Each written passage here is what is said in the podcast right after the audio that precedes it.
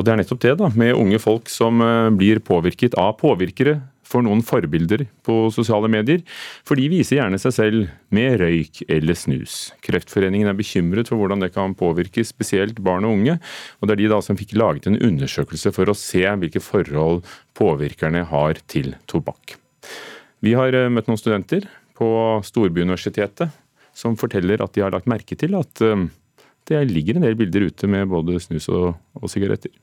Jeg tenker at det er litt uheldig at det har blitt en greie at det er kult å sitte med en sigg kanskje da, på Instagram. Legger du ut på en måte mye bilder av, sånn, av røyk f.eks., så er jo det på en måte med på å normalisere det. Jeg har bare lagt merke til sånn eh, hvis det er med røyk, mm. at det liksom er for bildets skyld. Oslo-studentene Silja, Maria og Andrea har lagt merke til at influensere ofte legger ut bilder på Instagram med sigaretter som en slags rekvisitt. En analyse av Retriever gjort for Kreftforeningen viser at flere influensere med ungdommer som målgruppe inkluderer tobakk på bilder i sosiale medier.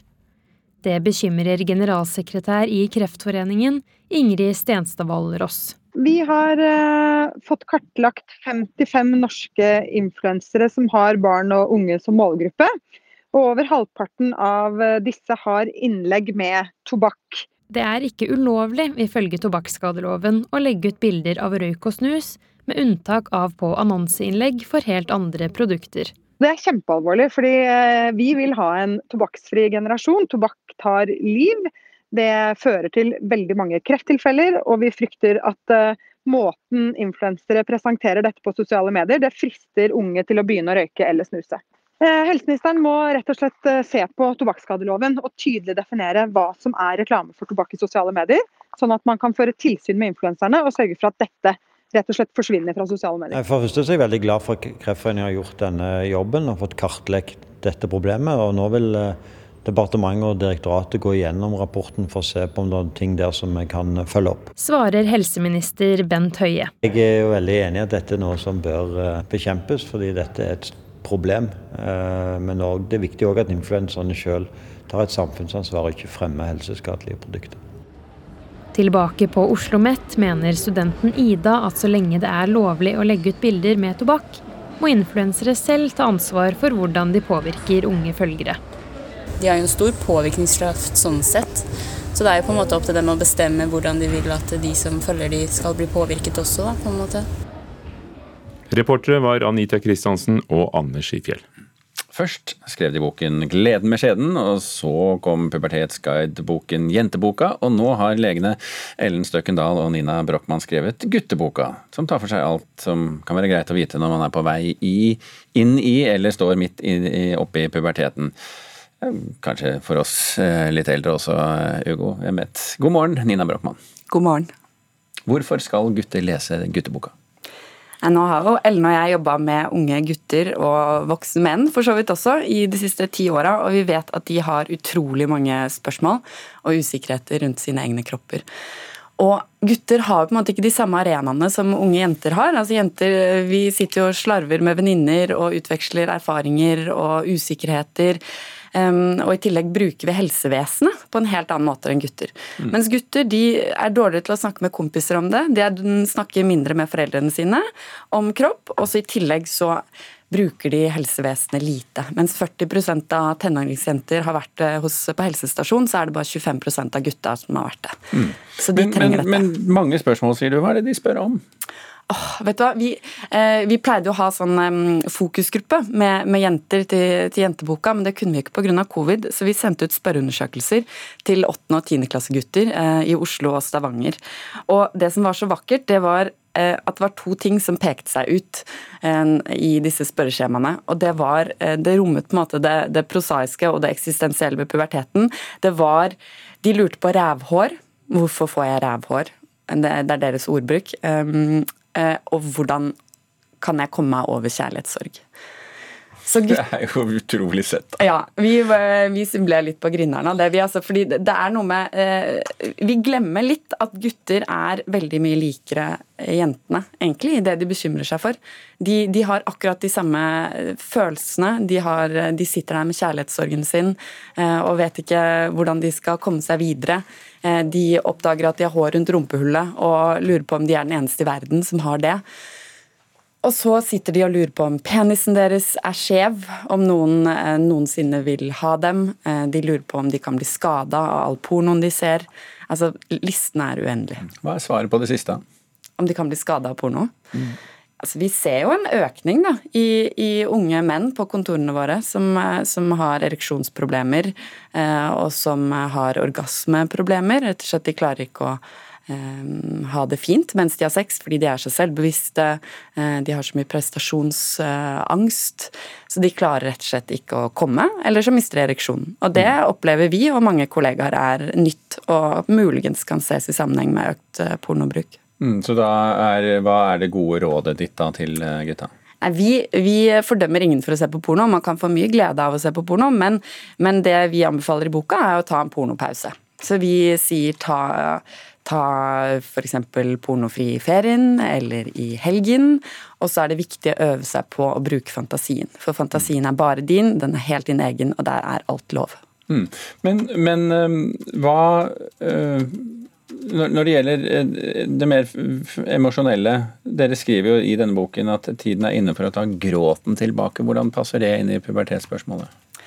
Nei, det er jo noe veldig fascinerende. fordi før, før, puberteten så gråter jenter og gutter akkurat like mye, og de gråter på samme måten. Alle vi som har gutter, vi vet jo det når de, de slår seg på sykkel og kommer tutende til mamma og vil sitte på fanget. Men i puberteten så slutter gutter å gråte. Eh, og vi vet ikke helt hvorfor, men, men, det er jo noe som tyder på at dette er eh, Eller dette er jo kulturelt, ikke sant. I, i gamle, gamle, dager, i antikken, i eh, renessansen, så, så, var det jo sett på som mandig eh, og tøft og viste liksom sjelelig, eh, ja, moral og alt dette, og, og kunne gråte. Og det ble sett på som en sunn, rensende prosess. Og det er det jo. Eh, men fra slutten av 1800-tallet så, så, ble det sett på som eh, mangel på kontroll og lite mandig å gråte. Og siden så har gutter ikke grått. Ja, hva er konsekvensen av det? Nei, konsekvensen er jo, altså det er jo at eh, gråt har jo en, en, rensende følelse på kroppen. Altså Hvis du har det vondt og du får grått, du får det liksom litt ut av kroppen. Spenningene slipper. Eh, og det er jo også en veldig mektig Eh, måte å vise til andre at du trenger omsorg. Og nettopp når gutta ikke gråter, bare holder det inni seg, så får de ikke den, den omsorgen som de kanskje trenger. Og det, Derfor så oppfordrer gutta til å ta tilbake gråten. Mm. Men det betyr kanskje også at det er flere enn bare gutta som skal lese denne boka? da? Ja, vi syns jo pappaene også burde lese den. Det er mye til dem òg. Ja, okay. Ina Brochmann, forfatter av boken 'Gutteboka', sammen med Ellen Støkkendal. Takk for at du var med i Nyhetsmorgen. Takk for meg. Det å le, er det også frigjørende? Ja, definitivt. Og sunt. Og lettere. Og, og lettere enn å gråte. Espen Borge, humoranmelder her i NRK. Du har vært i Bergen for å le på Forum Scene. Hva har du sett? Jeg så Stian Blipps nye soloshow Cirque du Blipp. Som Cirque du Soleil, men Cirque du Blipp. Riktig. Lo du? Ja, jeg gjorde det. Men jeg ble jo litt forvirret også. Hva slags show har Stian Blipp, kjent eh, programleder, humorist, eh, offentlig person, hva har han Danser, laget? ikke minst. Altså, han er jo en, eh, ja, han er en mangefasettert type som kan veldig mye rart. Og det han dytta inn i det showet her, som er, altså, det er jo en slags vaudeville eller kabaret, om du vil, en revy. En samling av alt det Stian Blipp kan, som han har dytta inn i en time og et kvarter. Litt standup, litt dansing, litt beatboxing osv. Så, videre, og så, videre. så det er ganske, ganske mangefasettert, det showet. På plakatene så er det bilder av ham i eh, sirkusuniformer av forskjellige eh, støpninger. Sirk du Blipp høres jo herlig gammeldags ut, mm. litt fransk ut. Har det fremtiden for seg? Ja, det vil jeg si. Altså, jeg syns han har løst det på en ganske fin måte. fordi altså, det er jo ikke så mye sirkus som det ser ut til. fordi man kan ikke ha akrobater eller trapesartister osv. kan man jo ikke ha med hensyn til HMS, som han så fint påpeker sjøl. Så han har gjort liksom, han har lagt på mye av den sirkusstaffasjen. Men så er det jo mest standup og litt uh, fleiping med, med munnen. Dansing, og det er jo kanskje litt mye av det staffasjen rundt som blir litt sånn heftende. Jeg, altså jeg personlig Beatboxing det er kanskje noe av det aller verste jeg vet. Så jeg blir veldig steile veldig når, når han driver beatboxer og en sånn lirekasse i eh, fem minutters tid. Men alt det andre imellom, det er det jeg syns han er best på. Og det er det han burde fokusere mest på, tror jeg. Han har, han har en veldig god timing for eksempel, i standup. Han er en veldig god standup-komiker. Og det er ikke noen tvil om at han er veldig vittig. Han, får jo, han er jo veldig kvikk, han får jo alle i publikum til å le. Så jeg syns det burde være kanskje mer av det, og kanskje litt mindre av den staffasjen. Men hva er det vi, vi dere som var det, ler av? Hva er det han gjør? Hva er det han tar opp? Hva er temaene hans? Ja, Temaet hans er litt, sånn- han er overraskende selvironiserende.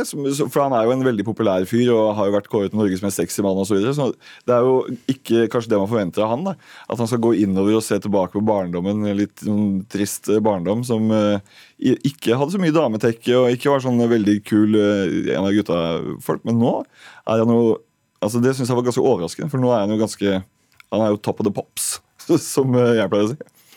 Så det er Stian Blipp. Eh, kort oppsummert. Stian Blipp. Ja, jeg syns, jeg syns det står til en terningkast fire. Jeg syns han eh, har eh, veldig mange morsomme standup-partier.